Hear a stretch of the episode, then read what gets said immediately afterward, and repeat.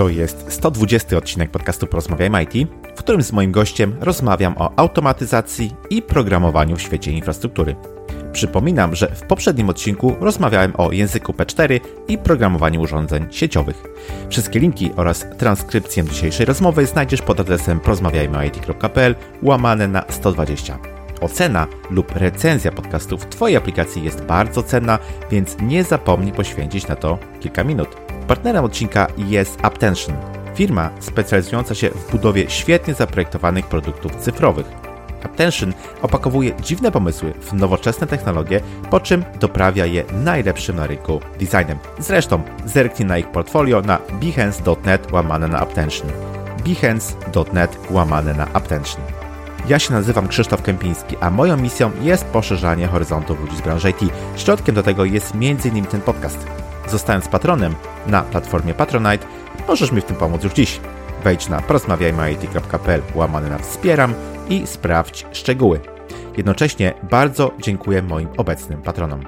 A teraz życzę Ci już miłego słuchania. Odpalamy! Cześć, mój dzisiejszy gość to konsultant IT, architekt rozwiązań sieciowych, programista, entuzjasta rozwiązań chmurowych, partner w firmie Inleo, zajmuje się zagadnieniami z zakresu routingu, switchingu, IP MPLS, SDN oraz cloud computingu. Bloger, w wolnym czasie deweloper w projektach open source, m.in. Ansible, miłości kotów i muzyki elektronicznej. Moim waszym gościem jest Piotr Wojciechowski. Cześć Piotr, bardzo miło mi gościcie w podcaście. Cześć, dziękuję za zaproszenie, witam wszystkich słuchaczy. Tutaj dużo e, padło pojęć, ale nas wszystko prowadzi do tematu e, tego właśnie odcinka, e, którym jest automatyzacja i programowanie w świecie infrastruktury. Ale zacznijmy od takiego standardowego elementu każdego mojego podcastu, czyli od pytania do Ciebie, Piotr, czy słuchasz podcastów? Jeśli tak, to może masz jakieś swoje ulubione audycje praktycznie cały czas w ciągu dnia leci jeden podcast, to się DNB Radio nazywa, mm. dlatego że dla mnie muzyka jest e, tłem do wykonywania prawie że wszystkich czynności, także tych zawodowych, więc czasami się nawet zapominam wyłączyć muzykę na czas jakiejś coli. um, więc muzyka rzeczywiście e, z tych podcastów, bo to są sety DJ-skie, e, trwają tam po trzy godziny, są mm. dobrym takim e, motywatorem do tego, żeby się skupić na pracy bo gadanie mnie trochę bardziej rozprasza. A z takich bardziej gadających podcastów to jednak okazjonalnie tylko e, słucham. To, to jest czasem cyber cyber. Jak się pojawiają dobre tematy, niektórzy goście u ciebie e, z takich nieinformatycznych, no około informatycznych powiedzmy rzeczy, lubię podcast Mała Wielka Firma i, i to tak naprawdę inne rzeczy tylko punktowo. Jak się jakiś temat pojawi, który chcę zgłębić i okazuje się, że jest to w formie podcastu, a nie tylko czytania, no to ewentualnie wtedy właśnie szukam i, i odsłuchuję. Chociaż wolę książki chyba. Jasne, pewnie. Tak, wiesz, ja też nie potrafię pracować i jednocześnie słuchać rozmów, w sensie to angażuje pewnie podobną część mózgu, więc bardzo ciężko jest mi e, się skupić na jednym albo na drugim, a takie przeskakiwanie, wiadomo, też nie jest jakoś tam e, efektywne. Um, świetnie, dobrze. To chciałbym Cię zapytać o takie, na taką rzecz, o której coraz więcej jest słychać, która to przybliża trochę świat infrastruktury i programowania, czyli definiowanie infrastruktury kodem, infrastructure as a code. E, to pojęcie właśnie jest coraz modniejsze, coraz częściej się o tym słyszy. Chciałbym Cię poprosić o to, żebyś trochę przybliżył, czym to podejście jest, czym się charakteryzuje, na jaki problem odpowiada. Jeżeli spojrzymy sobie tak historycznie w infrastrukturę, no to mamy jednak hardware. Hardware jako mhm. taki, to kojarzy się wszystkim niebieski kabel konsolowy do portu Cisco i, i zaczynamy konfigurować te urządzenia.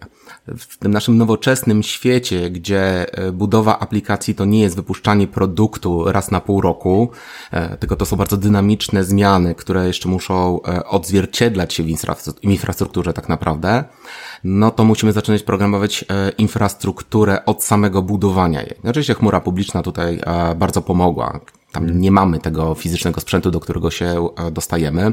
Nawet ten taki tradycyjny sprzęt sieciowy, który jest wirtualizowany, można już nie konfigurować ręcznie, ale wpisać w cały proces budowania infrastruktury dla konkretnej aplikacji infrastruktura bez aplikacji nie ma sensu, jak aplikacja bez infrastruktury nie ma sensu. Więc teraz te, te, te dwa środowiska połączyły się ze sobą już bardziej e, ściśle, gdzie używając konkretnych e, języków programowania, nazwijmy to tak szeroko, e, po prostu wpisujemy proces budowania infrastruktury zwirtualizowanej dla tej aplikacji, niezależnie czy ta infrastruktura na koniec będzie na tak zwanym bare metalu, czy będzie rzeczywiście zwirtualizowana, czy całkowicie w chmurze, jest programowana po to, żeby spełniać wymogi tej aplikacji i reprogramowana wraz ze zmianą tej aplikacji bądź potrzeb, które się pojawiły w czasie eksploatowania tej aplikacji. Bo jednak to biznes narzuca nam, co jako informatycy robimy.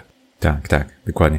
Ja po raz pierwszy o tym usłyszałem kilka lat temu na e, konferencji. No oczywiście wtedy pokazywano przykłady, jak mniej więcej użyć Infrastructure as the Code po to, by definiować taką infrastrukturę działającą e, w chmurze. I myślę, że wielu osobom właśnie mm, to skojarzenie tutaj po raz pierwszy, czy jako pierwsze przychodzi na myśl, kiedy, kiedy e, myślą właśnie, czy, czy słyszą infrastructure as a code, czyli chmura.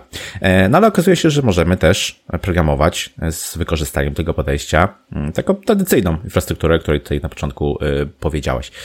Czy to faktycznie jest równie popularne i czy te dwa podejścia jakoś się od siebie różnią, czy też nie ma to żadnego znaczenia? Znaczy, efektem końcowym zawsze jest fizyczne czy wirtualne urządzenie sieciowe, które ma wgraną jakąś konfigurację, no bo mhm. tutaj patrząc na takie tradycyjne e, rozwiązania, które mamy, no to jednak nadal ten, te, te, to urządzenie gdzieś istnieje. To jest kwestia tego, w jaki sposób my zarządzamy tym urządzeniem, jak szybko jesteśmy w stanie wprowadzić zmiany, zrekonfigurować bądź postawić nowe urządzenie od podstaw.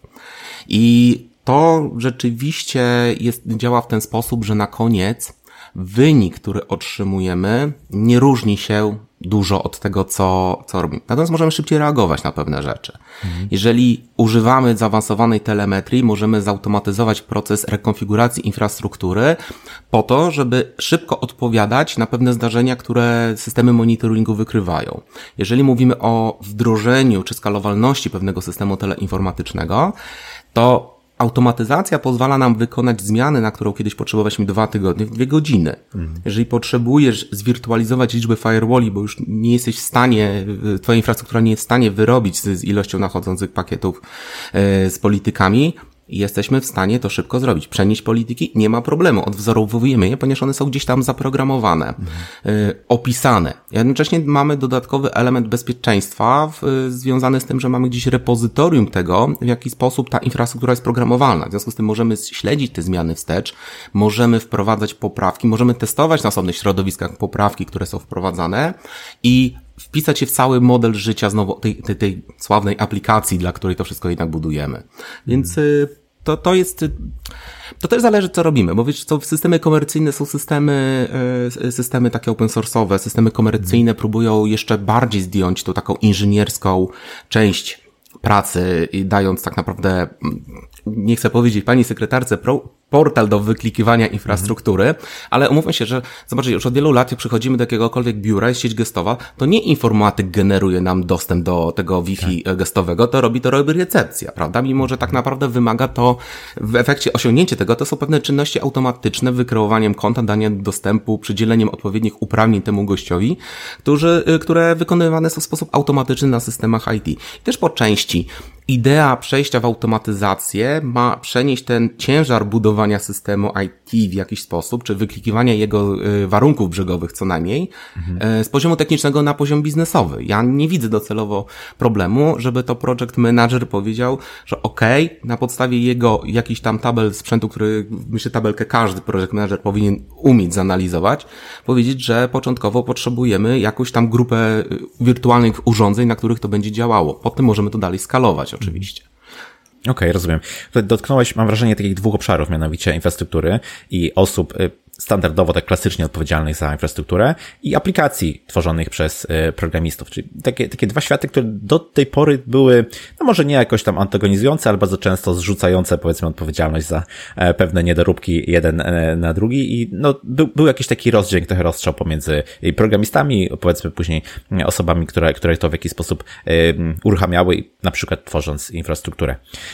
Jedni i drudzy, no mam wrażenie, że tak mało wiedzieli dosyć o swojej pracy, żeby zrozumieć, powiedzmy, e, z jakimi problemami na przykład na co dzień się e, mierzą. Tutaj oczywiście jakiś czas temu już pojawiła się filozofia, czy też podejście DevOps, które no, to podejście trochę zasypuje, można powiedzieć, te, e, te różnice, ale chciałbym Cię zapytać, jak Ty to widzisz ze swojej mm, pracy, czy, czy faktycznie jeszcze te podziały są na tyle znaczące, czy, czy, czy to widać, czy tutaj wprowadzenie chociażby takiego, takich rozwiązań automatyzacji, infrastructure as a code może przybliżyć jeden i drugi obóz trochę do siebie? Znaczy to musi przybliżyć, bo jak tego nie przybliży, to, to, to nic nie osiągniemy, a zrobimy sobie nawzajem tylko krzywdę. Mhm.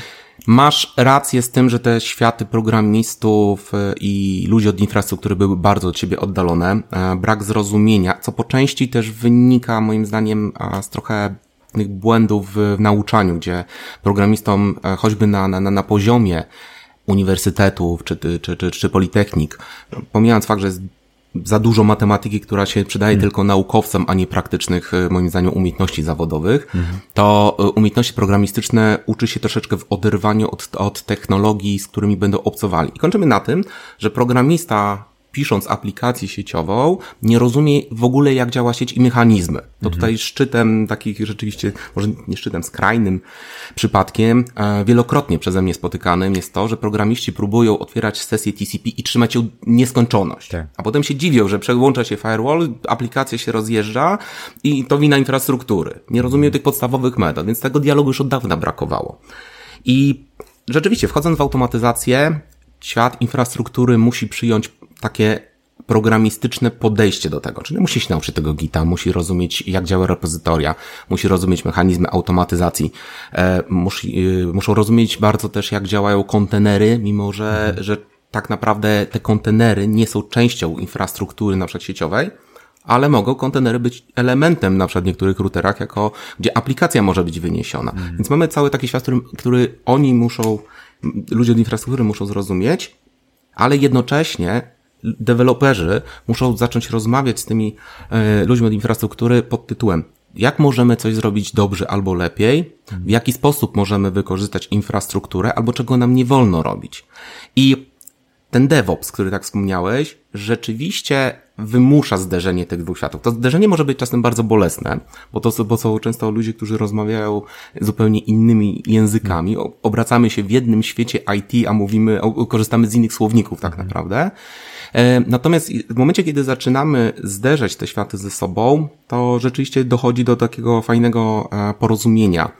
Programiści zaczynają rozumieć, że aplikacja nie działa w próżni, że mhm. To, że te pakiety są przesyłane jest wynikiem infrastruktury, która ma swoje konkretne ograniczenia. Być może aplikacja musi w jakiś sposób te ograniczenia także monitorować, żeby zareagować na poziomie aplikacyjnym, nie tylko infrastrukturalnym, że pewnych rzeczy, tak jak wspomniana wiecznie żyjąca sesja TCP, to, to, to nie jest dobre rozwiązanie.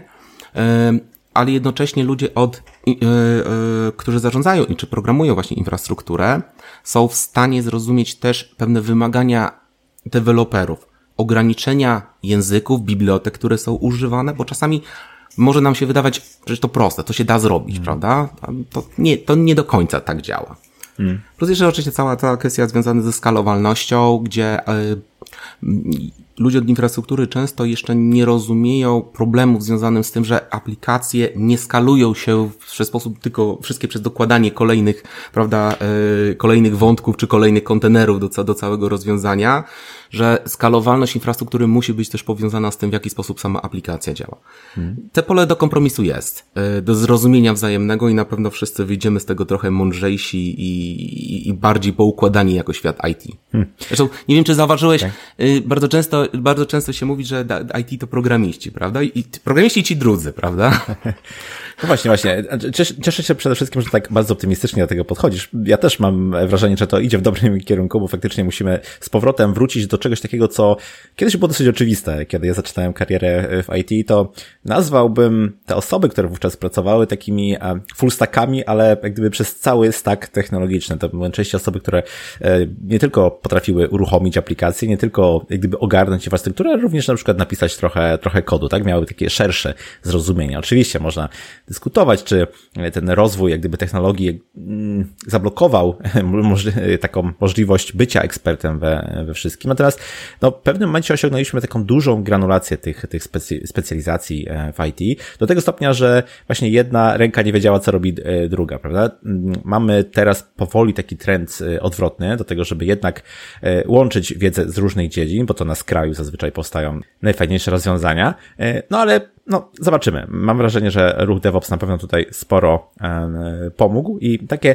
nieobrażanie się na siebie, ale wzajemne zrozumienie swoich e, ograniczeń i wspólnienie e, języka to jest to, co może nas po prostu popchnąć dalej. Ale też budowanie projektów też w ten sposób, że jednak myśląc o, o budowie projektu, project managerowie nie traktują sam infrastruktury jako usługi, która musi hmm. być im świadczona, tylko jako element całego projektu. To też na tym project managerskim e, trochę levelu musi się zmienić podejście. Hmm. Z pewnością, z pewnością. Właśnie, powiedziałeś tutaj, że e, mamy taki podział na programistów i powiedzmy tych innych, tak, albo taki, taki wielki worek. Bezpieczniki jeszcze, tak. tak, tak, tak, na, na tych innych. E, no i ja często też słyszę taki, taki zarzut gdzieś tam, że no przecież branża IT to nie jest tylko programowanie, prawda? Tymczasem my tutaj znowu mówimy o programowaniu. mówimy o infrastrukturze i mówimy o programowaniu. E, no właśnie, czyli znowu, znowu programowanie tutaj się wdziera, można powiedzieć, w kolejną, e, w kolejną branżę. Więc chcę Cię zapytać, czy faktycznie jest tak, że ludzie od infrastruktury powinni znać programowanie, czy to jest pewien dodatek, e, czy pewien, e, pewna rzecz, która wnosi e, coś nowego, ale na ten moment jeszcze niezbędne? Jak Ty patrzysz na połączenie tych dwóch dziedzin? Powinni, co nie znaczy, że muszą. Oczywiście zawsze mogą, tak jak programiści Kobola, czekać dużo, dużo czasu, żeby być teraz niezbędnymi na rynku, tylko mm. pytanie, czy to jest właściwa ścieżka. Trzeba mieć świadomość tego, w jakich, jakie są trendy i w którą stronę to y, świat IT zmierza. Wystarczy spojrzeć na duże korporacje, które inwestują bardzo dużo pieniędzy w rozwiązanie zautomatyzowane, szerzenie tej wiedzy.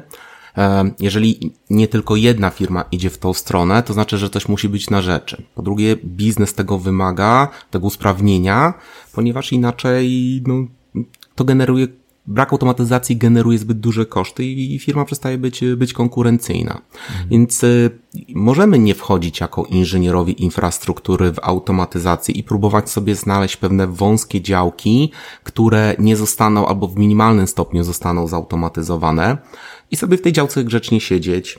Mhm. Wielu osobom to odpowiada, wiele osób no, nie bójmy się tego powiedzieć, też się boi zmian. Przyzwyczajeni są do tej konsoli i, i, i taka zmiana jest dla nich pewną rewolucją w tym, w tym co robią. Mhm. W związku z tym, jeżeli yy, może te osoby nie należy wrzucać na, na głęboką wodę, tylko dać im czas na spokojną transformację i, i pozostania ekspertem w pewnych bardzo, bardzo wąskich y, dziedzinach, ale którzy rozumieją, że ten świat obok gdzieś tam ist, istnieje. Mhm. Y, natomiast wszyscy musimy stać się gdzieś tam programistami tej automatyzacji, ponieważ docelowo inaczej nie będziemy mieli pracy. Taka jest prawda. Mhm.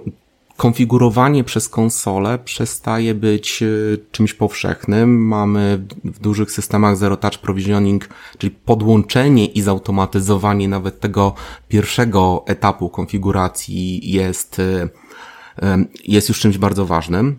Ale jak spojrzymy tak trochę wstecz, tak z punktu widzenia też inżynierskiego, no to my tak ograniczymy troszeczkę tą automatyzację do programowania, ale spójrzmy na większe projekty, kiedy kiedyś w Excelu były generowane szablony konfiguracji wgrywane na, mhm. na, e, na, na komputery. No to jak, jak zaczniemy tak patrzeć na pewne rzeczy, które już sobie e, przygotowywaliśmy wcześniej, to też jest to jakaś forma automatyzacji naszych czynności. Więc my z tą automatyzacją wbrew pozorom mamy już e, styczność, mhm. tylko my jej nie nazywaliśmy jeszcze nigdy w ten sposób.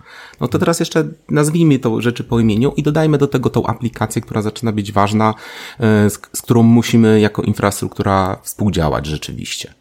Ja myślę, żeby jeszcze dobitniej zrozumieć to, dlaczego warto, bo tak powiedziałeś, może na ten moment jeszcze nie trzeba, ale z pewnością warto, zwłaszcza myśleć, myśląc o przyszłości, spróbujmy zastanowić się, jakie korzyści daje programowanie i automatyzacja infrastruktury, mm, no dla takiego inżyniera, który powiedzmy na co dzień zajmuje się infrastrukturą, jak również dla firmy, która ewentualnie w ten sposób będzie swoją infrastrukturę definiować i w ten sposób właśnie nią zarządzać. Z punktu widzenia inżyniera, moim zdaniem podstawowa zaleta jest taka, że nauczymy się, jeżeli jeszcze nie umiemy, albo udoskonalimy logiczne myślenie. Bo programowanie jest ściśle związane z algorytmiką.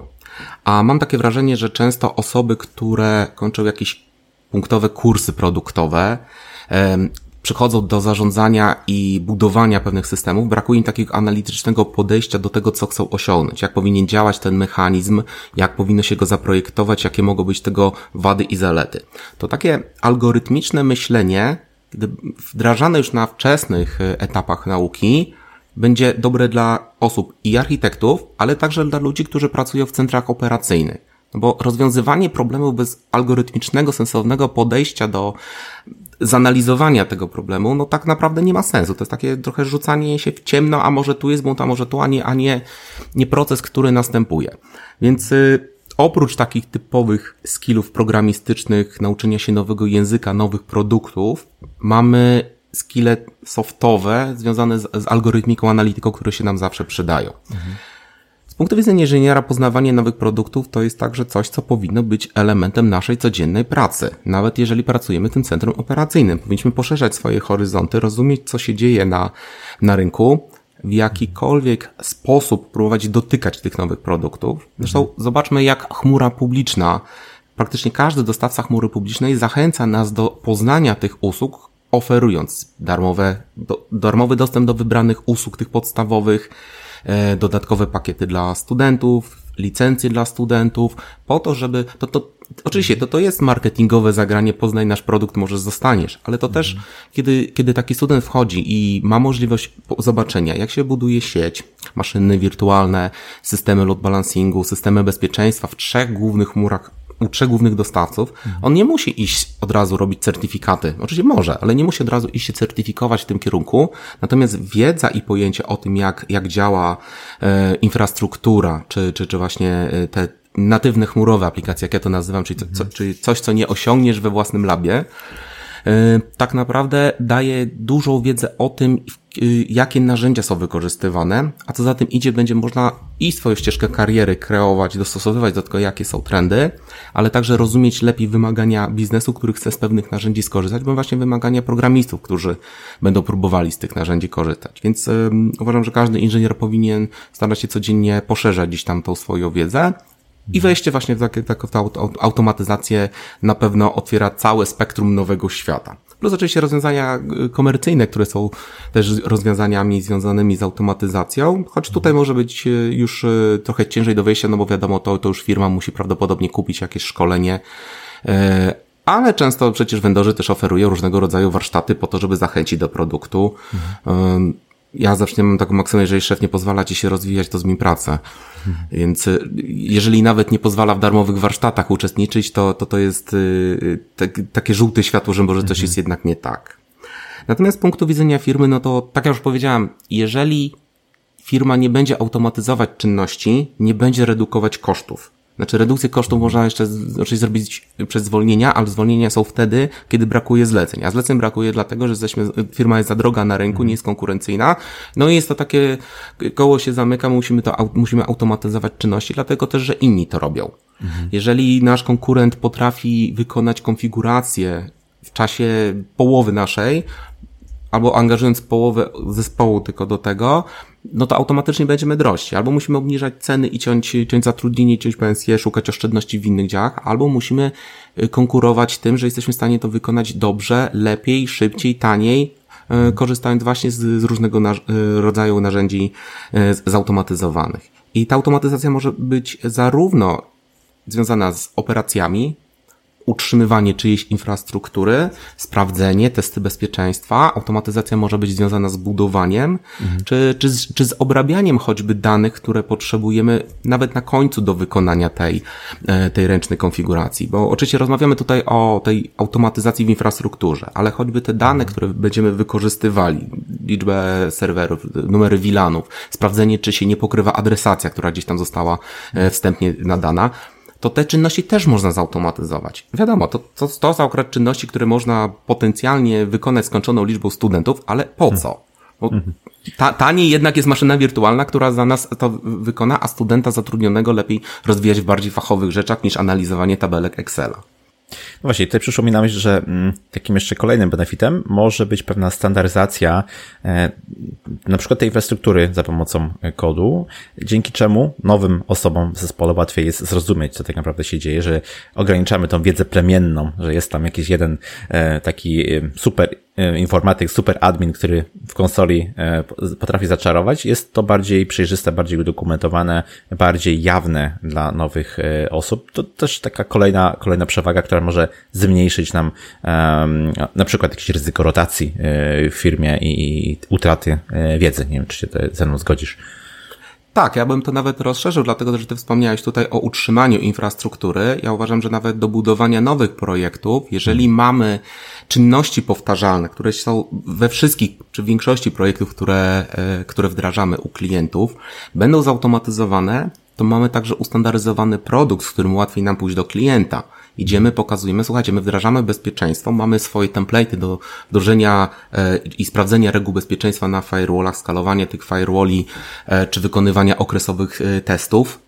I drodzy kliencie, no tu są, tu są nasze standardy, jest to fajnie opisane i mamy x zadowolonych klientów, którzy z tego korzystają.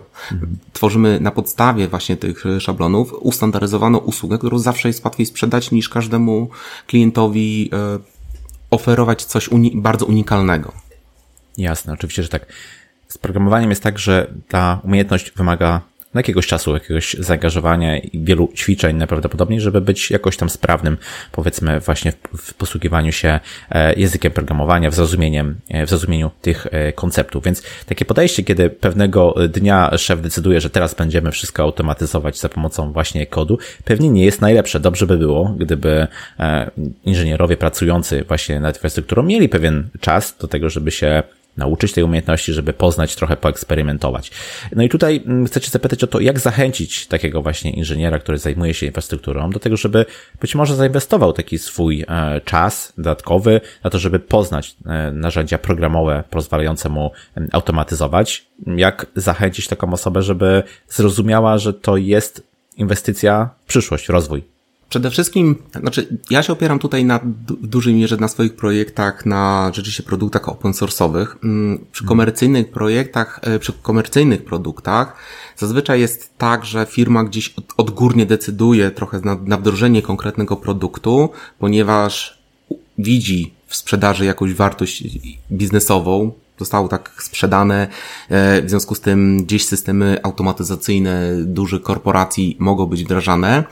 I tutaj jest trochę produkt narzucony. Mhm. Więc trzeba przekonać e, raczej inżyniera, żeby chciał korzystać rzeczywiście z tego produktu, e, niż przekonywanie do własnej automatyzacji. Mhm. Przekonanie do tego, że warto wejść i, i poszerzać swoje, e, swoje horyzonty jest wtedy, kiedy ten inżynier zaczyna widzieć taką wartość dodaną do tej swojej pracy, zarówno w swojej karierze, jak i dla całej, dla całej firmy. I nie może to być metoda straszenia, bo widziałem już takie przykłady pod tytułem wszyscy się automatyzują, to my musimy, bo jak nie, to będą zwolnienia. Tak. No nie. No to jest, to jest już jakaś w ogóle skrajna patologia. Mhm. Natomiast y, niestety takie rzeczy też się robią, że ta automatyzacja z jednej strony w firmie jest wprowadzana troszeczkę bez przemyślenia, a z drugiej strony jest y, siłą narzucana y, inżynierom. Mhm. Inżynierowie muszą zrozumieć i poznać wartość. To jest pewien proces, w którym pokazujemy co można zrobić, dlaczego coś robimy, w jaki sposób to robimy, żeby oni potem przełożyli pewne, nie chcę powiedzieć hasła i slogany, ale pewne pokazy, bo ja lubię wtedy, ja lubię prezentować tego typu rzeczy na podstawie demo. Mhm. Ty mi skonfiguruj to 50 switchy, a ja ci to zrobię skryptem, prawda? Mhm. Ale to już, to jest taki namacalny dowód, że, który każdy jest w stanie poczuć, że jeżeli tego nie będzie robił, to zostaje gdzieś w tyle. I teraz składamy z takich klocków dalej e, podejście do tego, co możemy zrobić. Szukamy tych benefitów i dla firmy, dla konkretnego projektu. Czasem dla konkretnego projektu może być to zrobimy coś szybciej, a czasami zrobimy to jednocześnie dla 10 klientów, a nie dla dwóch w tym samym czasie. Szukamy tego typu benefitów. I szukamy w jaki sposób zachęcić ludzi, żeby te, te systemy automatyzacji tworzyli. W przypadku rozwiązań open, open source'owych jest to cykl, który dzieje się wewnątrz firmy. No nie kupujemy produktu, nawet jeżeli mhm. weźmiemy tego Ansibla przykładowego, mamy masę playbooków, z których możemy skorzystać, ale większość to są i tak opublikowania takie, opublikowane takie szablonowe rozwiązania, które musimy dostosować do swoich potrzeb na koniec, prawda? Mhm. Jeżeli mamy projekt, w którym musimy zmienić description na wszystkich portach przełączników, a mamy ich w sieci tysiąc, ok, mamy szablon, ale nadal musimy dopracować tą, ten cały skrypt, żeby on spełniał nasze założenia, był bezpieczny, a najlepiej jeszcze, żebyśmy wiedzieli, jak zautomatyzować bezpiecznie jego uruchamianie. Bo to, że mamy zautomatyzowany proces, to jeszcze musimy mieć infrastrukturę, która będzie to, to samą automatyzację obsługiwała A co ciekawe, właśnie na tej infrastrukturze możemy się najlepiej też uczyć automatyzacji. Uczymy się nowych produktów. No jeżeli potrzebujemy Ansible'a, to nauczmy się go postawić. Jeżeli potrzebujemy Jenkinsa, nauczmy się go postawić, zobaczmy jak to się robi, I, a może zarządzajmy już od razu tym Jenkinsem, prawda, w sposób zautomatyzowany. Ja pokazuję, mm, i to pokazuję ludziom od sieci, właśnie mojego domowego laba, którym Jenkins buduje się sam codziennie z, z repozytorium i się aktualizuje na, na, na moim serwerze, bo stwierdzam, że chcę mieć najnowszą wersję zawsze działającą. A Jen, najlepsze, Jenkins, budowa Jenkinsa odbywa się w samym Jenkinsie, więc, y, więc jest pokazane, jak te, jak te narzędzia można ze sobą wykorzystywać, łączyć. Jest do tego oczywiście też GitLab, gdzie jest to repozytorium skryptu Jenkinsa, ale to już jest taki namacalny dowód, że coś się dzieje, że ja nie muszę wykonywać tych czynności i uzyskuję budując ten system automatyzacji, buduję własną infrastrukturę, która już się na tej automatyzacji opiera w jakiś sposób. I to już jest takie pierwsze wejście. Jeżeli coś zepsujemy w labie, to spoko, to jest pole do nauki, przynajmniej powinno być pole do nauki. Mhm. Gorzej jak lab jest na infrastrukturze klienta, to już, to już nie jest dobry pomysł. Ale mamy pole, mamy pole do nauki, w ramach którego możemy popełniać błędy i zobaczyć namacalnie, że ta automatyzacja infrastruktury działa. Czy to u nas na serwerze, czy, czy w chmurze publicznej. Możemy też zobaczyć, ponieważ tutaj ta standaryzacja, o której wspomniałeś, e, to jest e, także dodatkowa wartość w przypadku, kiedy mamy środowiska, które są oparte po części na on-premie, po części na chmurach publicznych, takie typowe e, rozwiązania hybrydowe. Możemy zobaczyć, jak korzystając z, z jednej bazy wiedzy zapisanej gdzieś tam na GitLabie, możemy wdrażać te same procesy bardzo szybko w różnych środowiskach. Mhm. I to też jest coś do, do przetestowania najpierw w labie, zanim y, pójdzie to na produkcję do klienta, ale jest to świetne pole doświadczalne. Tak, myślę, że to jest jeden z bardziej skutecznych sposobów nauki, czyli po prostu pobawienie się te, takim rozwiązaniem, e, być może trochę sparzenie się, zobaczenie, co działa, co, co nie działa. Mm, ale wiesz, mam do Ciebie pytanie, bo o ile w przypadku e, tej bliższej mi domeny, czyli właśnie programowanie, jest to dość proste, o tyle zastanawiam się, jak to można zasymulować e, za pomocą chociażby tego laba, o którym ty powiedziałeś, tak? No bo um, nie każdy ma dostęp do, do czegoś takiego, tak jak też zaznaczyłeś, nie wykorzystujmy może infrastruktury klienckiej do tego, żeby eksperymentować. E, czy takie przybliżenie, powiedzmy, za pomocą chmury jest tutaj mm, w jakiś sposób dobre, żeby właśnie eksperymentować z narzędziami, dajmy na to z obszaru programowania automatyzacji infrastruktury? Co byś, od, od czego byś tutaj zaczął? Zależy, co chcemy osiągnąć. Znaczy, bo jeżeli chcemy zautomatyzować konfigurację przykładowej wirtualnej asy, którą niezależnie czy postawimy sobie w chmurze docelowo, czy będzie stała u klienta na on-premie, mhm. interesuje nas wprowadzenie konkretnej konfiguracji, zarządzanie access listami, cokolwiek, mhm. to ok. To, to, to, gdzie będziemy to testowali, nie ma większego znaczenia. Z drugiej strony, jeżeli zaczynamy budować infrastrukturę w ten sposób, że powołujemy wirtualne switche całym środowiskiem wirtualizacji, które hmm. mamy na naszych serwerach, próbujemy, no nie, nie przetestujemy tego trochę w chmurze. Tak. Oczywiście istnie, istnieją już takie to, coś, usługi, co ja nazywam bare metal in the cloud już w tym momencie, mhm. ale to nadal, to nadal nie jest usługa, w której mamy pełen dostęp do hypervisora, bo to jest nadal as a service e, pewna rzecz. W związku z tym pewnych rzeczy nie przetestujemy w chmurze. Musimy tutaj znaleźć e, złoty środek, e, co na czym trzymamy, co uruchamiamy. Chmura na pewno ma e, tą zaletę, że płacimy jedynie za zużycie że nie mamy tego overheadu związanego z inwestycją wstępną w sprzęt do laba. Mhm. Ale gdzieś ten sprzęt do laba w pewnym momencie trzeba wstawić, bo jeżeli chcemy przetestować Zero Touch Provisioning, no to albo musimy mieć fizyczne urządzenie, albo musimy mieć jakiś produkt, w którym możemy to urządzenie zwirtualizować, nie wszystkie urządzenia sieciowe zwirtualizujemy w chmurze publicznej. W związku z tym czasami jest ta potrzeba postawienia własnego serwera, czy, czy, czy w jakikolwiek inny sposób odwzorowania tego środowiska. To nie ma jednej ścieżki, hmm. jednej odpowiedzi. Jasne, to zależy. E, Okej, okay, Piotr, to mniej więcej wiemy, że warto to robić. Wiemy, że to może być dobra inwestycja w nasz rozwój. To może teraz e, jakieś konkrety podajmy w postaci narzędzi open source'owych i komercyjnych, które mogą być przydatne właśnie do automatyzacji programowania e, infrastruktury i czy w Twojej opinii te płatne rozwiązania są warte tego, żeby za nie płacić? To zależy. To jest chyba, to będzie chyba, to jest takie prawnicze odpowiedź, która zawsze wpada w informatyce coraz częściej. Tak. Ja nie jestem przeciwnikiem komercyjnych rozwiązań. Co więcej, komercyjne rozwiązania e, bardzo się otworzyły na siebie. Mhm. Jeszcze parę lat temu, jeżeli byśmy powiedzieli, że takie systemy z podstani Cisco, Junipera będą miały interfejsy programowalne i to jeszcze udokumentowane, żeby można było je łączyć z mhm. systemami konkurencji, to pewnie wielu architektów, inżynierów pokałoby się ostro w głowę, nie, no co ty, no przecież oni nie będą sprzedawali, y, udostępniali żadnych interfejsów dla swojej konkurencji, to nie ma mhm. sensu. Świat się zmienił. E, świat się zmienił choćby z tego powodu, że y, sieci są Sieci mają wielu vendorów. Już nie mamy takiej, mhm. mało firma politykę pod tytułem jeden vendor e, sprawdzony.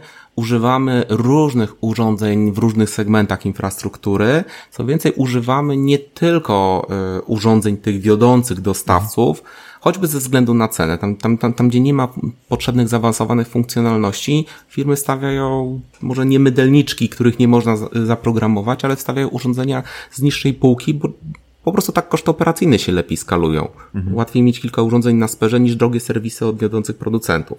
Mhm. Producenci też widzą, że skoro y, jest konieczność integrowania ze sobą różnych systemów i to także systemów open source'owych systemami komercyjnymi, to, to, to nie jest tak, że te światy się w ogóle nie, nie przeplatają, to tak naprawdę te powstanie tych interfejsów spowodowało, że zaczynamy mieć e, dość duże pole manewru w tym, co i jak ze sobą łączymy. Pomijam już fakt, że oczywiście dużo produktów open source'owych działa sobie gdzieś tam w tle tych produktów komercyjnych, tak. z czym się, czym się vendorzy nie, nie kryją. Mhm.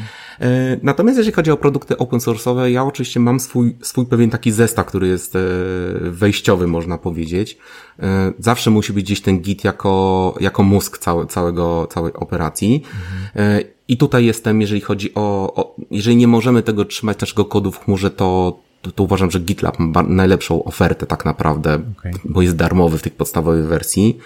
Używam do takiego CI/CD e, Jenkinsa, jak już wcześniej wspomniałem, używam Ansible'a do, do, potem do, do programowania, czy, czy to e, części tej takiej bardziej software'owej serwerów, czy, e, czy, czy urządzeń sieciowych także.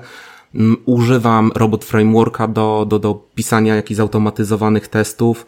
To są takie yy, narzędzia, plus oczywiście to, tu jest z jednej strony pisanie playbooku, generalnie kodowanie musi się opierać na dobrym środowisku programistycznym. Mhm. To też jest ciekawe doświadczenie, że y, bardzo wielu inżynierów infrastruktury, który, którzy wchodzą w programowanie, nie chcą używać e, środowisk IDE, tylko zaczynają pisać w notatniku. Okay. To jest dla mnie nie, zawsze było takie trochę niepojęte, że po co sobie, że można sobie utrudniać pracę. Tak. Ale to też jest takie przeświadczenie, że środowiska programistyczne są raz, że drogie, dwa są na tyle mm. skomplikowane, że tylko programiści rozumieją, co tam się dzieje. Mm -hmm. Więc to też jest taki, y, trzeba zderzyć te światy ze sobą. Ja to mogę powiedzieć, że ja od lat używam na przykład PyCharma, nawet jeżeli nie chodzi o programowanie tylko w Pythonie, tylko praktycznie do wszystkiego. Mhm. Ale dużo osób używa na przykład Visual Code Studio i tutaj ukłon dla Microsoftu, że ten rzeczywiście produkt został odchudzony i uwolniony. Tak, sam, sam używam VS Code'a do różnych języków i faktycznie muszę stwierdzić, że to może pluginów e, i wtyczek praktycznie do wszystkiego e, faktycznie, faktycznie daje radę, tak. Um, Okej, okay, powiedziałeś tutaj o, o PyCharmie i powiem szczerze, że jak sobie myślę właśnie o programowaniu infrastruktury, to, to Python przychodzi mi jako pierwszy język tak od razu e, na myśl. E, domyślam się, że ty też pewnie e, go stosujesz. Czy według ciebie jest to obecnie najlepsze rozwiązanie, czy może po prostu najbardziej popularne? Chyba najbardziej popularne. Tu ocena, czy coś jest najlepsze, czy najgorsze, to, to, to jest ocena z jednej strony indywidualna użytkownika, a z drugiej strony mm. przez, pryzmat, przez pryzmat projektu. E, ja się, jeżeli chodzi o takie programowanie infrastruktury, czy generalnie ja się bardziej czuję jako programista backendu, więc dla mnie ten Python jest e, najwygodniejszym narzędziem. Choć oczywiście wcześniej, e, lata temu, jakoś taką bardziej zautomatyzowane rzeczy zaczynam pisać w Perlu, który mhm. gdzieś się bardziej prze, przejawiał przez moje studenckie czasy. Mhm. JavaScript nigdy nie był moim, moim środowiskiem, ale wiem, że też jest on używany. Te wysokopoziomowe języki rzeczywiście się przewijają. Python jest moim zdaniem najlepiej udokumentowany. Rzeczywiście ma dużo bibliotek, hmm. które pomagają nam i obrabiać dane, jak i zapewniają komunikację z różnymi e, urządzeniami. E, zdejmuje to z nas konieczność programowania tych wszystkich metod, które są związane z, z API-em, bo ponieważ wywołujemy, mówimy, wyślij coś do urządzenia, a nie musimy myśleć, jak ta sesja, prawda, ma wyglądać i komunikacja. Chociaż oczywiście nieznajomość te, te, te, te, tutaj API może czasem zaszkodzić nam, jakby nie patrzeć. Mhm. Trzeba, trzeba rozumieć, jak pewna biblioteka działa i jakie potencjalne zagrożenia mo, może, e, może nieść. Natomiast Python wydaje mi się takim dobrym wejściem. To jest język prosty, to jest język lekki. Nikt nie musi konstruować od razu bardzo skomplikowanych struktur, czy używać najnowszych funkcjonalności, które do mhm. języka są dodawane, żeby napisać y, skrypty, które się w automatyzacji infrastruktury przydają. Ilość bibliotek, z których możemy skorzystać, y, to jakiś czas temu potrzebowałam bibliotekę do obrabiania numerów telefonu mhm. trzeba było je tam trochę konwertować, no to przetestowałem chyba cztery, zanim wybrałem jedną, mhm. którą mi się najwygodniej używało. I, i, I to jest bardzo duża zaleta języka programowania, że możemy próbować stosować e, wtyczki, rozszerzenia, biblioteki, które nam odpowiadają jako programistom. Oczywiście plus minus to, co korporacje działu bezpieczeństwa mhm. narzucają, bo rzeczywiście tutaj wchodzi już, e, jeżeli mamy dział bezpieczeństwa w firmie, oni wchodzą na takie aplikacyjne sprawdzanie tego, czy nasz kod jest e, poprawny pod względem bezpieczeństwa, czy rzeczywiście nie używamy bibliotek, który, których jakieś CVE mhm. są wydane w jakichś za starych wersjach. No musimy tutaj ten jeszcze zaznajomić się jako inżynierowie z tym całym procesem code review, który wychodzi, sami często brać w nim udział, więc to jest, jest ta otoczka taka programistyczna, w którą wchodzimy. Natomiast y, tak, Python to byłby mój pierwszy wybór. Rozumiem. To właśnie myślę, że ten niski stosunkowo próg wejścia jest jak najbardziej na plus i może ułatwić inżynierom e, infrastruktury wejście w ogóle w programowanie, ponieważ tak jak powiedziałeś, no nie trzeba całego środowiska e, poznawać, całej tej wielkiej otoczki, tak naprawdę e, po przeczytaniu paru tutoriali można zacząć już coś produkcyjnie w tym, w tym pisać i e, tak jak mówiłeś, to nie oznacza, że musimy korzystać ze wszystkich najnowszych feature'ów danego e, języka, bo już e, stosując dosyć podstawowe struktury plus jakieś powiedzmy właśnie biblioteki, jesteśmy w stanie no, zrealizować czy też zaspokoić ten, tą potrzebę, którą, którą mamy właśnie w kontekście programowania. Poza tym mamy hmm? też w Pythonie bardzo, właśnie to co wspomniałeś, bardzo dużo tutoriali, bardzo dużo podręczników mm -hmm. do, mhm tak już tradycyjnych bardziej. Co więcej, vendorzy sami w swoich materiałach szkoleniowych kładą nacisk na, na ten język, pokazując jak do wykorzystania jak wykorzystać konkretne biblioteki, konkretne hmm. funkcjonalności języka, jak, zapropo- jak proponują całe szablony rozwiązań, po to, żeby łatwiej było wejść w ten próg programowania. Łatwiej się wtedy o coś spytać. E, bardzo dużo pytań, e, choćby na Stack Overflow, dotyczy wykorzystania konkretnych narzędzi, mhm. dlatego że vendor je rekomenduje do wykorzystania i czasami człowiek nie do końca tylko wie, jak to ugryźć. Tu mu, tu mu brakuje wiedzy. Mhm. Więc e, to rzeczywiście Perl jest pod tym względem, a że Perl też ma się dużą bazę bibliotek jako takich, natomiast jest o wiele mniej udokumentowany, mniej jest tutoriali, mniej jest takich szkoleń, z których można skorzystać. Jasne. Okay, mamy język programowania, ale to jest powiedzmy jakiś tam pierwszy e, krok, żeby jak w pełni wejść w programowanie infrastruktury, to trzeba jeszcze zrozumieć, czy też poznać takie dobre praktyki software developmentu w ogóle. I chciałem Cię zapytać, jakie e, według Ciebie dobre praktyki e, z wytwarzania oprogramowania warto by było przenieść na grunt infrastruktury? Czy Ty je sam stosujesz i czy w Twojej opinii środowisko już używa tych praktyk? Używa, przekonuje się do nich. Ja bardzo zawsze zachęcam e, do tego, żeby całe zespoły brały udział e, w tym takim technicznym code review. Mhm. To jest największa wartość dodana w procesie całej nauki. Oczywiście muszą być liderzy zespołów, którzy będą pilnowali, żeby mm, standardy, które zostały określone dla danego projektu były przestrzegane. Oni powinni być tam też liderami technicznymi, ale należy zachęcić ludzi, żeby sobie nawzajem robili takie peer review kodu, nie chodzi o wytykanie błędów, chodzi o wspólną mhm. naukę i poprawianie kodu. Jeżeli, to, to jest znowu taki element pracy zespołowej, który właśnie to podejście programistyczne uczy, że to ja ci nie wytykam błędu, nie mówię ci, że się nie nadajesz, mhm. tylko razem dos doskonalimy swój warsztat. I, i, I to pozwala nam być lepszymi programistami, lepiej tworzyć tak naprawdę wszystkie skrypty, które potem, e, które potem ujrzą światło dzienne. Mhm. I, I to jest, to jest jedna rzecz. E, po drugie, wchodzimy w te takie wszystkie programistyczne metody pracy nad projektami. My nie musimy ich nazywać e, tak jak programiści, nie musimy wchodzić w ten język specyficzny, ale rozumiemy, że są pewne czynności, które trzeba wykonać, żeby zgłosić jakąś poprawkę, żeby zgłosić nowy feature, że to, że nasz feature nie trafi teraz, e, czy, czy, czy w ogóle nie dostaniemy polecenia, że naszym pomysłem, że robimy teraz, może być uzależnione od tego, że ta potrzeba biznesowa ma gdzie indziej fokus, inne feature'y są bardziej, e, bardziej potrzebne. I wchodzimy w taki model zarządzania, w którym trochę kształtujemy ten nasz projekt e, programistyczny, ponieważ zgłaszamy nasze propozycje, a nie tylko dostajemy zadania do wykonania. Więc e, czujemy się współ, współodpowiedzialnymi troszeczkę za ten, e, za ten projekt, co daje nam dalej możliwości oczywiście gdzieś tam awansowania no właśnie na tych liderów, czy, czy, czy potem menadżerów przy kolejnych projektach. I, i, I to jest niewątpliwie też taka duża wartość, którą możemy wyjąć patrzenie na bezpieczeństwo kodu. Mhm. Bo my, my jako ludzie od infrastruktury bardzo często nie rozumiemy rzeczy związanych z bezpieczeństwem aplikacji. A jednak piszemy na koniec teraz już aplikację. No Python na koniec ten skrypt jest też aplikacją. Musimy mhm. rozumieć, że jeżeli wystawiamy jakiś frontend, jakiś API na zewnątrz, no to dajemy pewną furtkę do nas do naszej, do naszej infrastruktury, to też musi być zabezpieczone i od strony jakiegoś tam oczywiście firewalla, który powinien to API mm. pilnować, ale powinno być to zabezpieczone wszystkie mechanizmy uwierzytelniania tego, w jaki sposób ktoś się łączy, czy chce wykonać e, od, od, operację, e, też powinny być zaprogramowane. Więc uczymy się o bezpieczeństwie aplikacji, tworząc własną aplikację.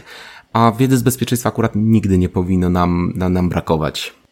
To prawda. Do tego wszystkiego dodałbym jeszcze rzecz, którą już wcześniej wspomniałeś, to znaczy używanie jakiegoś repozytorium kodu, chociażby, żeby przechowywać ten, e, ten kod, e, żeby to nie było gdzieś faktycznie w plikach zapisywane e, na, na, na komputerze, ale faktycznie dzielone w taki sposób szeroko przyjęty w software. Ale repozytorium Mhm. Repozytorium nie musi być tylko kodu, to może być równie dobrze repozytorium stanu danej infrastruktury. To nie mhm. jest rzecz e, jakaś unikalna, że w momencie, kiedy wprowadzamy zmianę w, w czy to w ACL, czy w ilości replikacji, zapisujemy informacje o tej zmianie w GitLabie, w Gicie jakimś. Co więcej, ten Git przecież w tym całym procesie CI/CD może powodować e, wykonanie odpowiednich tak skryptów automatyzacyjnych i my tak naprawdę zmienimy w gicie ilość serwerów i to się potem replikuje na infrastrukturę. Mhm. Więc, więc tutaj trzymanie stanów y, też jest y, bardzo fajną opcją. Świetny pomysł. Myślę, że też taką dobrą techniką, która jest już, no zaryzykuję twierdzenie dosyć powszechna w wytwarzaniu oprogramowania, jest testowanie swojego kodu właśnie w sposób y, automatyczny. I zastanawiam się, czy w przypadku infrastruktury i tego kodu też takie praktyki się stosuje, czy w ogóle jest to możliwe do zrealizowania w sposób automatyczny, w sensie przetestowanie e, kodu, który ma tak naprawdę tworzyć, zarządzać, automatyzować infrastrukturę. Jest to możliwe. To oczywiście z jednej strony mamy takie typowe testy, które stosują, stosuje się w, w rozwiązaniach aplikacyjnych, czyli wiemy, co, co dana metoda ma zwrócić jako mhm. wartość, prawda? No i piszemy testy funkcjonalne, które będą, będą e, tak, tak, tak naprawdę powinny być nieodłącznym elementem naszego programu.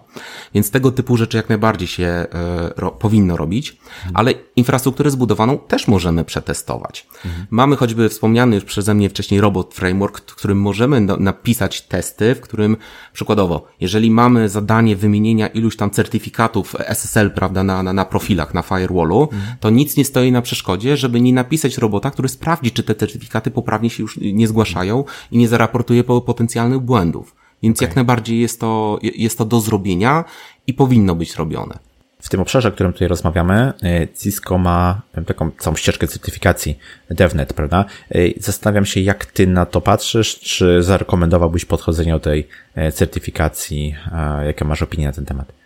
Ja zrobiłem DevNet Associate, tak z ciekawości, dlatego że, że, że, że siedzę w tym temacie po prostu. Mhm.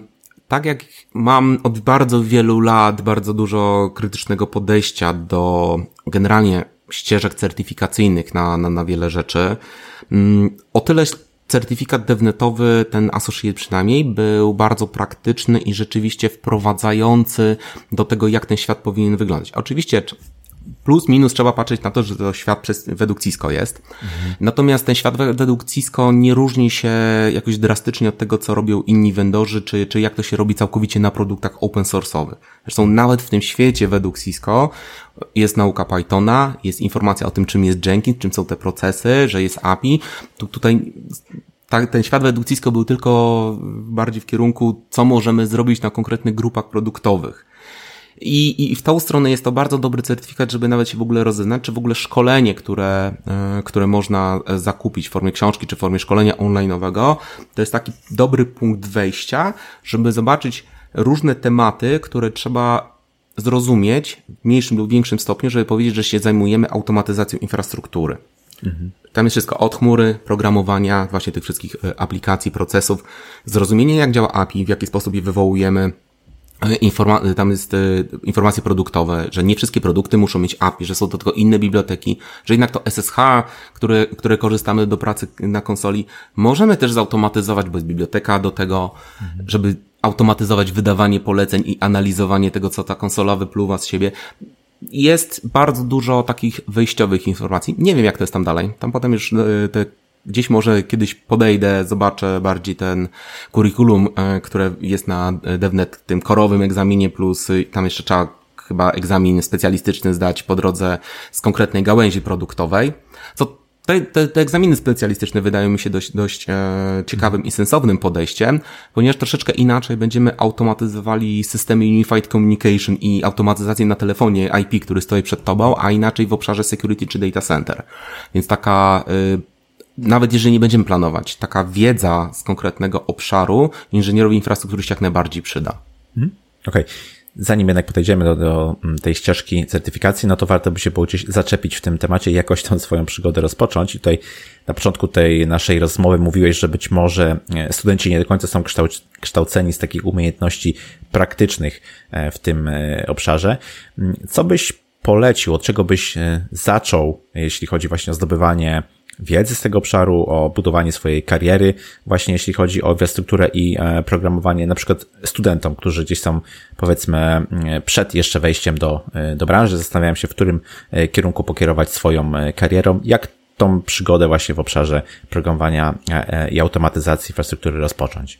Nie bać się, to, to jest taki pierwszy krok, bo to jest dla wiele osób jest to wyjście ze strefy komfortu. W ogóle mhm. napisanie programu zaczyna być wyjściem ze strefy komfortu.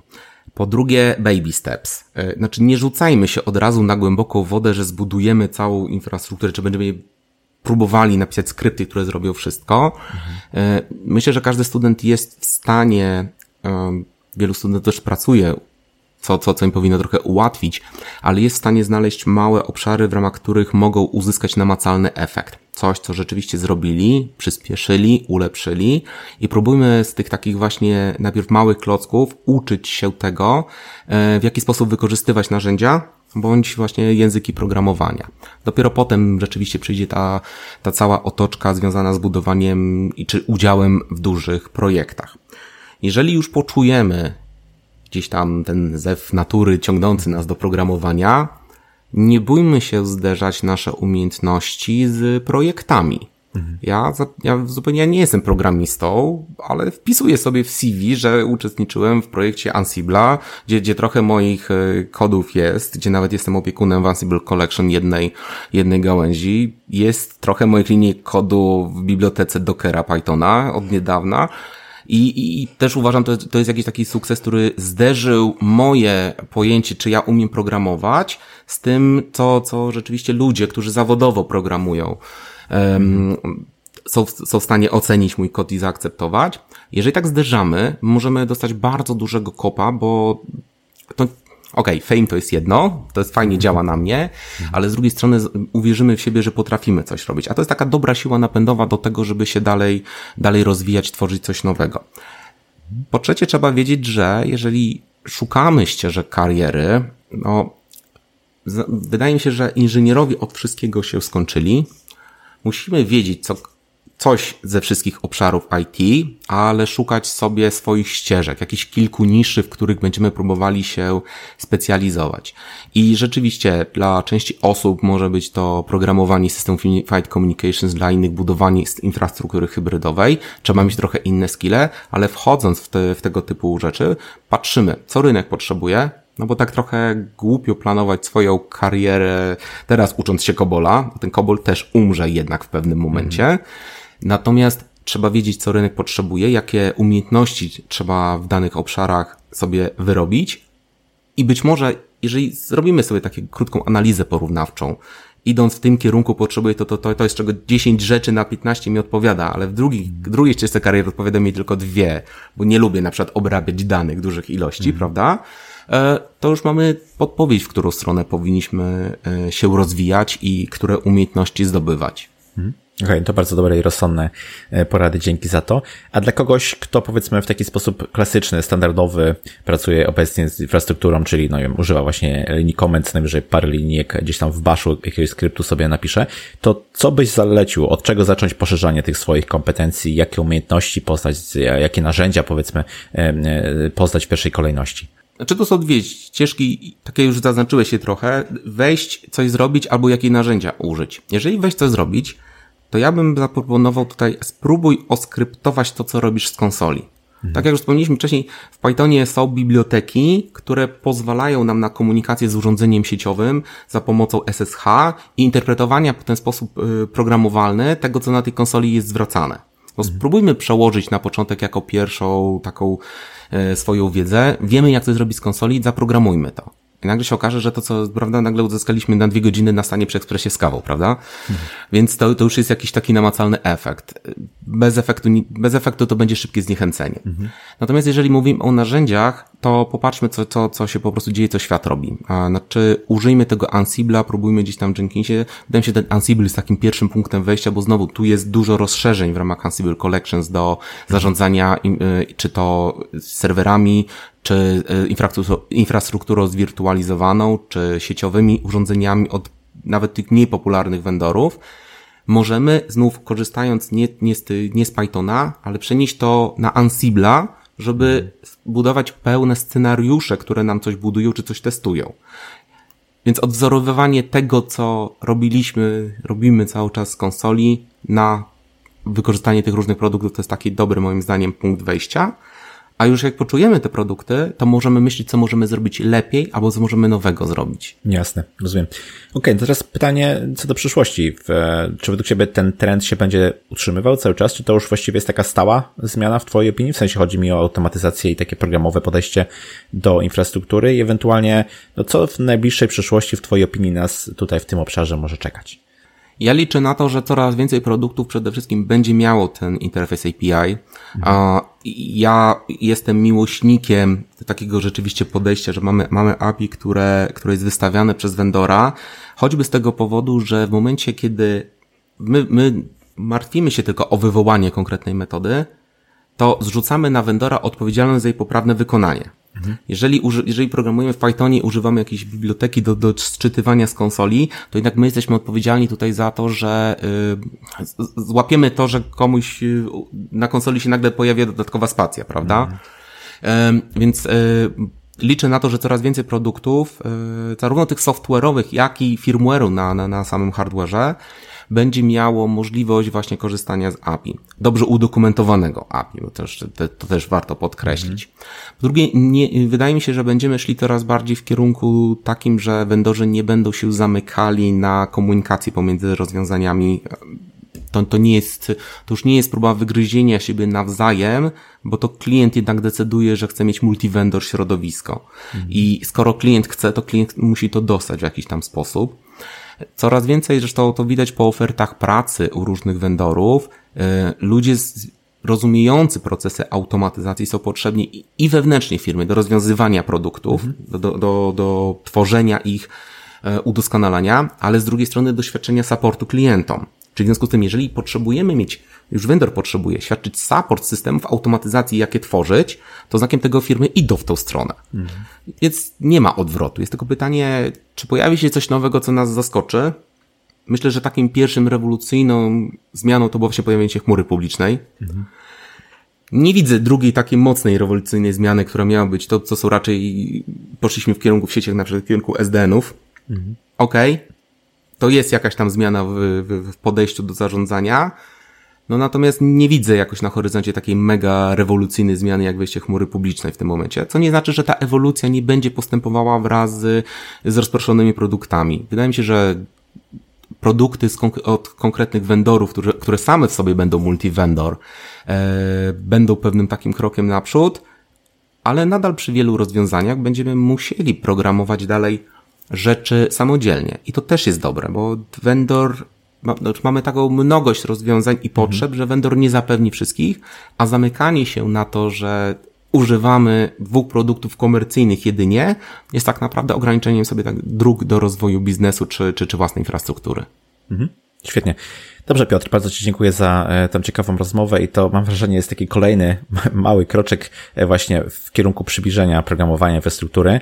Myślę, że teraz już nikt nie ma wątpliwości, że no, to z nami po prostu zostanie, tak? W sensie takie podejście e, jest już na stałe, można powiedzieć, wyryte i, i, i nie, nie widać jakichś wielkich zmian, które by mogły tutaj coś zmienić. Myślę, że też fajnie zachęciłeś wszystkich tych, którzy jeszcze w tym momencie jakoś nie zajmują się, czy nie myślą o tym, żeby poszerzyć swoje kompetencje kompetencje właśnie oprogramowanie. E, myślę, że zachęciłeś do tego, że, że warto myśląc o swoim rozwoju, e, jak i również myśląc o projektach, o firmach, w których pracujemy, bo to po prostu zwyczajnie się wszystkim gdzieś docelowo e, może przysłużyć. Także z mojej strony bardzo Ci dziękuję za poświęcony czas. Powiedz proszę, gdzie Cię można znaleźć w internecie, jak się z Tobą skontaktować? To tradycyjnie LinkedIn żyje. To chyba wszyscy specjaliści mamy swoje ma profile. Ma się dobrze, tak. Tak, ma się, ma się dobrze i chyba nie umrze. E, jestem też na Twitterze, gdzie bardziej takie lekkie rzeczy wrzucam. E, rzeczy nieinformatyczne trafiają na mojego Instagrama. Mam anglojęzyczny, choć przyznaję się, że ostatnio trochę zaniedbany e, blog, który mam nadzieję podlinkujesz. I tak samo już w kierunku bardziej automatyzacji e, takiej sieciowej jest e, szkoła DevNet, która ma zadanie edukować, jak tam, jak tam wejść, właśnie w ten elementy programowania i, mhm. czy automatyzacji I, i tam rzeczywiście pojawiają się praktyczne rzeczy, wrzucam rzeczy, z którymi się na co dzień spotykam w różnych projektach i z praktycznego wykorzystania Pythona, jak i z takich ogólno automatyzacyjnych rzeczy, więc serdecznie zapraszam. Świetnie, oczywiście wszystkie linki będą w do tego odcinka. E, byłem na tej stronie, czytałem, w sensie na, na, na twojej szkole e, i muszę przyznać, że jest tam bardzo wiele artykułów obecnie, spory, spory content do przeczytania, także myślę, że mogę też jak najbardziej e, zachęcić słuchaczy. Więc z mojej strony jeszcze raz wielkie dzięki i do usłyszenia. Cześć. Dzięki za zaproszenie. I to na tyle z tego, co przygotowałem dla Ciebie na dzisiaj. Światy infrastruktury i programowania coraz bardziej się zbliżają. Automatyzacja i programowanie infrastruktury to już nie przyszłość, ale teraźniejszość. Jeśli ten odcinek był dla Ciebie interesujący i przydatny, oddzięczcie proszę recenzją, oceną lub komentarzem w social mediach. Jeśli masz jakieś pytania, pisz śmiało na krzysztofmałpa.prozmawiajmy.pl Zapraszam też do moich mediów społecznościowych. Ja się nazywam Krzysztof Kępiński, a to był odcinek podcastu Porozmawiajmy IT o automatyzacji i programowaniu w świecie infrastruktury. Zapraszam do kolejnego odcinka już za tydzień. Cześć!